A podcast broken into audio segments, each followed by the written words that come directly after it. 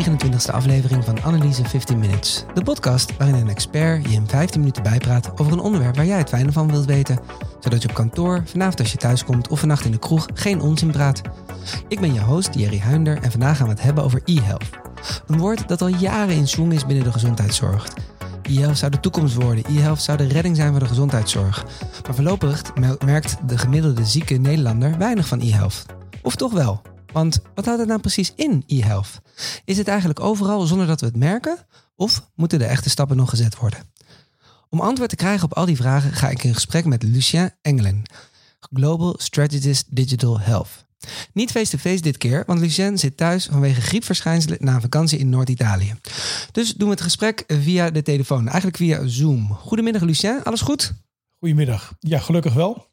Ik uh, ben inderdaad uh, thuis, zoals je zegt. Uh, niet omdat ik het coronavirus zou hebben, althans niet dat ik weet, maar uit voorzorg. en gelukkig geen koorts en dat soort dingen. Dus zolang het zo blijft, hou ik me nog even een beetje koest. Dat lijkt me ook heel verstandig, inderdaad. Ja. Um, Lucien, als ik het wil hebben over e-health, waarom moet ik dan bij jou zijn? goeie vraag. Weet ik niet. als je iemand zoekt die hier een jaar of 12, 13 mee bezig is die korsen op de knieën heeft, krassen op zijn ziel en op zijn hart van dingen die niet goed gaan. En ook met ongelooflijk veel kraaienpootjes van het plezier wat we hebben, omdat er ook heel veel dingen goed gaan. Uh, dan ben je bij mij het juiste adres, denk ik. Hey, wat is het domste dat je in die twaalf jaar ooit hebt gehoord over e-health? Het domste um, is niet zozeer wat, wat ik een hele tijd geleden gehoord heb, maar wat ik nog steeds hoor, dat, dat e-health niet werkt. Dat is vaak een soort van vooringenomenheid, dat het, dat het allemaal niet werkt. En dat er geen wetenschap is en allemaal dat soort dingen. Terwijl in de tussenliggende tijd, ook al duurt het best een hele tijd voordat ze dit soort dingen voor elkaar komt, dat toch gewoon gebeurt. Er zijn allerlei betaaltitels gemaakt, wetgeving is aangepast. Er is zelfs een wetenschappelijk instituut verbonden aan het LUMC, het NEL, het Nederlands e-health Living Lab, die daar onder andere druk mee bezig is. Wereldwijd komt er steeds meer wetenschap. Verzekeraars zijn er drukkend inkopen. En stiekem gebruiken steeds meer mensen het eigenlijk ook gewoon zelf. Soms misschien zonder dat ze het weten. Maar dat hangt natuurlijk ook heel erg van de definitie af. Kan je eens een korte definitie geven van e-health? Voor mij is het gewoon het leveren van gezondheidszorg. Komma, maar dan in een digitale vorm. En uh, dat gaat dus voor mij dus niet per se over het internet. Of per se over een, een slimme horloge. Of een, of een weegschaal waar je op staat. Um, ik vind eigenlijk ook dat we gewoon helemaal van die term af moeten. Uh, in het begin was dat goed om iets apart te benoemen. Maar ik vind dat we langzamerhand in de fase zijn gekomen dat, dat digitale zorg eigenlijk gewoon zorg is. Hey, hoe, hoe heb je dat in die twaalf jaar zien ontwikkelen? Uh, wat je toen heel erg zag was het hele van de gadgets. Uh, inderdaad, gewoon een bloeddrukmetertje en een weegschaal die elektronisch was. En dat kon je dan uh, in, op een website krijgen. En dat kon je dan ook koppelen met Twitter, wat ik toen gedaan heb. En iedere dag als ik op die weegschaal sprong, zag mijn hele Twitter-community wat ik gewogen had. En daarmee kreeg ik ook wel peer pressure, zeg maar. Dus ik heb het zien ontwikkelen van de echte gadgetkant, waar nog steeds een aantal mensen in blijven hangen, zeg maar, dat het dat is. Naar wat nu aan de hand is, waarbij je nu heel nadrukkelijk ziet dat er een situatie is ontstaan uh, dat je uh, uh, deze technologie standaard inzet zonder dat je het merkt. Als jij een afspraak maakt voor een herhaalrecept met je, met je huisarts, wat toch steeds meer gemeengoed is, dan kun je erover twisten of dat, dat nou wel of niet digitale zorg is. Ja, precies. Want hoe, hoe, werkt, hoe werkt dat dan? Want als ik, ik, ik heb toevallig medicijnen die ik maandelijks gebruik. Ik moet gewoon nog drie, elke drie maanden mijn huisartsen bellen. En dan, ja. en dan zeg ik van ik wil, uh, ik wil uh, hoe heet dat, mag ik dat en dat uh, medicijn weer? En dan schrijven ze het weer voor drie maanden uit en zo verder. Ja. Is, ben ik ouderwets? moet je het recept dan ophalen bij de huisarts of stuurt hij dat dan gelijk naar de apotheek? Nee, hij stuurt het wel gelijk naar, door naar de apotheek. Dat is al een goede vraag. Dan is de volgende vraag, doet hij dat nog via fax? Dat zou zomaar kunnen. Of doet hij dat via een computersysteem wat verbonden is? Want dan zou je dat bijvoorbeeld ook al digitale zorg kunnen noemen. Kijk, dit soort ontwikkelingen die zijn niet gelijk in één keer overal. Dat zijn kleine plukjes van verbeteringen en processen.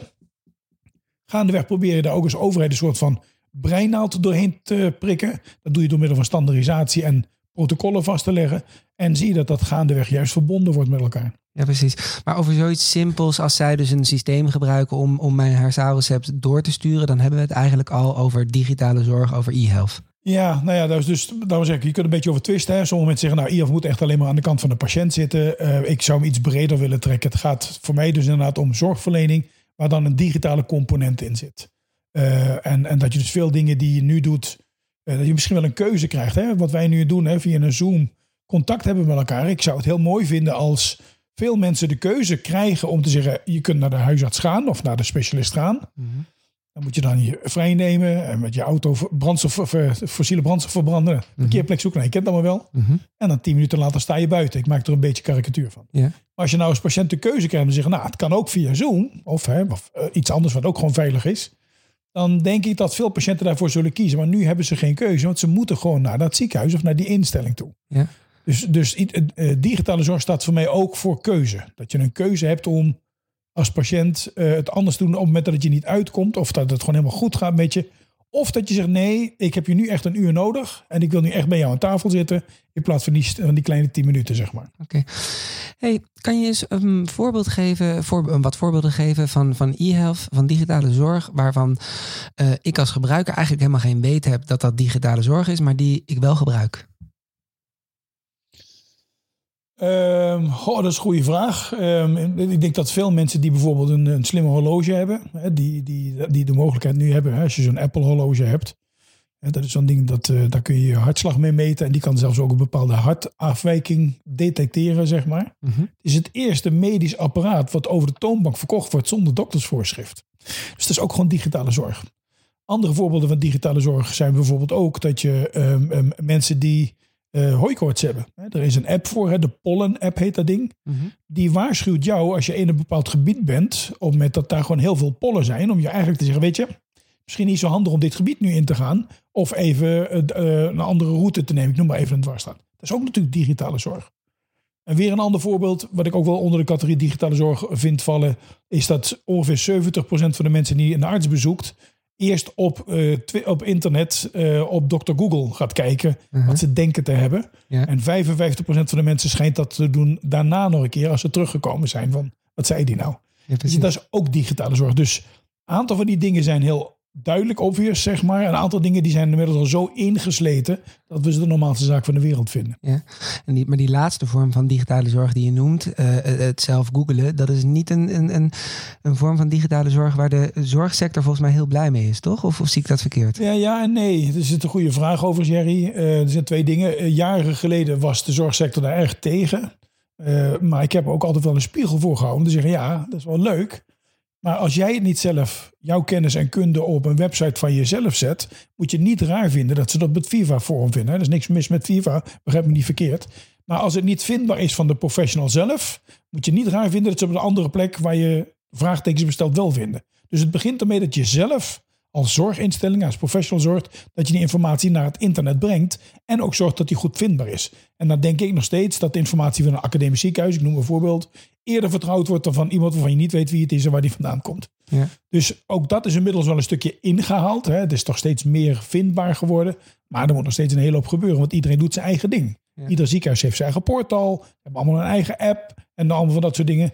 En als je een chronische patiënt bent, heb je het risico dat je tussen de vijf en de zeven portals hebt waar je in moet loggen met een apart wachtwoord en een aparte, nou, je voelt hem Ja. aankomen. Want ik heb er Dus, dan één eh, voor mijn huisarts, één voor mijn fysio, één voor het ziekenhuis, één voor een ander ziekenhuis waar ik misschien wellicht ook ben, et cetera. Ja, dat. Dus eh, work in progress. Het, we gaan wel de goede kant op. Ook de overheid doet daar ongelooflijk goed zijn best.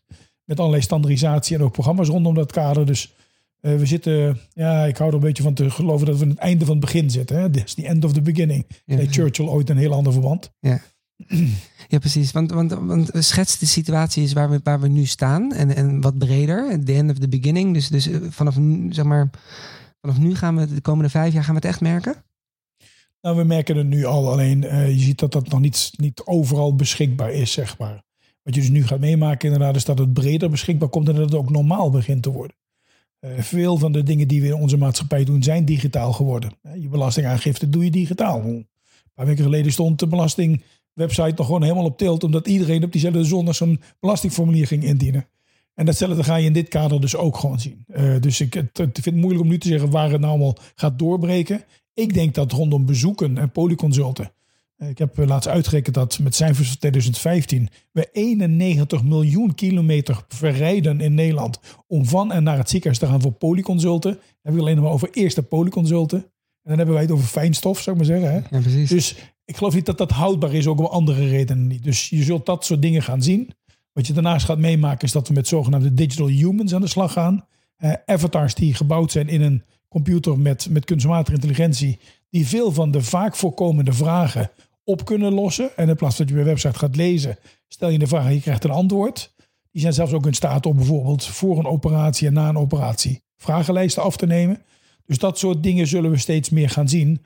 En het allerbelangrijkste verschuiving die er gaat plaatsvinden is dat de patiënt slash burger zelf de beschikking krijgt over zijn eigen gegevens.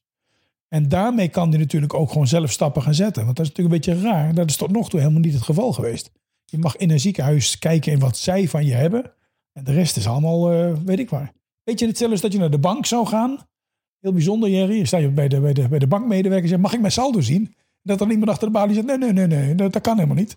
Daar kunt u niet mee omgaan. Dat is privacygevoelig. Dat, is, dat kun je niet meer voorstellen rondom je bank.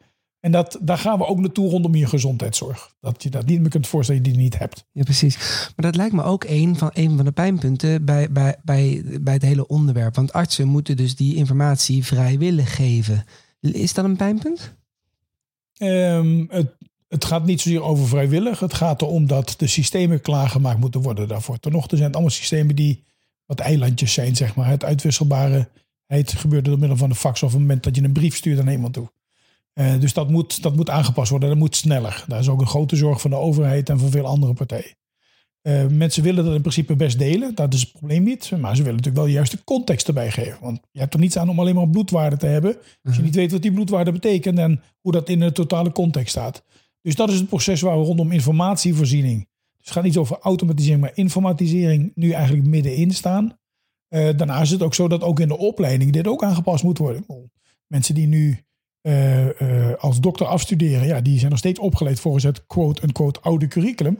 En je moet er natuurlijk wel zorgen dat daar dus ook dit soort nieuwe spullenboel in komt. Ja, dat ze de techniek begrijpen of ook dat ze de sociale vaardigheden die erbij horen, zeg maar het, het anders communiceren meenemen. Ja, precies. Nee, het gaat, gaat twee kanten op. Techniek is maar één deel van het verhaal. daarna is het ook een keer zo dat er een aantal van de incentives, zeg maar, uh, ook een beetje verkeerd liggen. Hè? Als jij als ziekenhuis betaald krijgt voor iedere patiënt die je ziet, of voor ieder bed wat, wat, uh, wat belegd is, als ik het zo mag noemen. Ja, dan is het natuurlijk moeilijk om te zeggen, nou, we, nemen nu maar eens even afzet van die patiënten, bij wijze van spreken. Dus, dus ook daar moeten dingen gebeuren. En dat gebeurt op dit moment ook behoorlijk. Dat ook uh, financieringsstelsels ter discussie komen. We hebben nu ook heel erg de discussie zien, gaan we nu van gezondheidszorg naar gezondheid toe? Hè? Want we moeten eigenlijk naar de voorkant we weten dat bijna 50% voorkombaar is door een andere leefstijl. Nou, we weten dat dat moeilijk is. Maar daar gaat toch nog steeds maar 6% van het totale geld in Nederland aan zorg gaat daarin.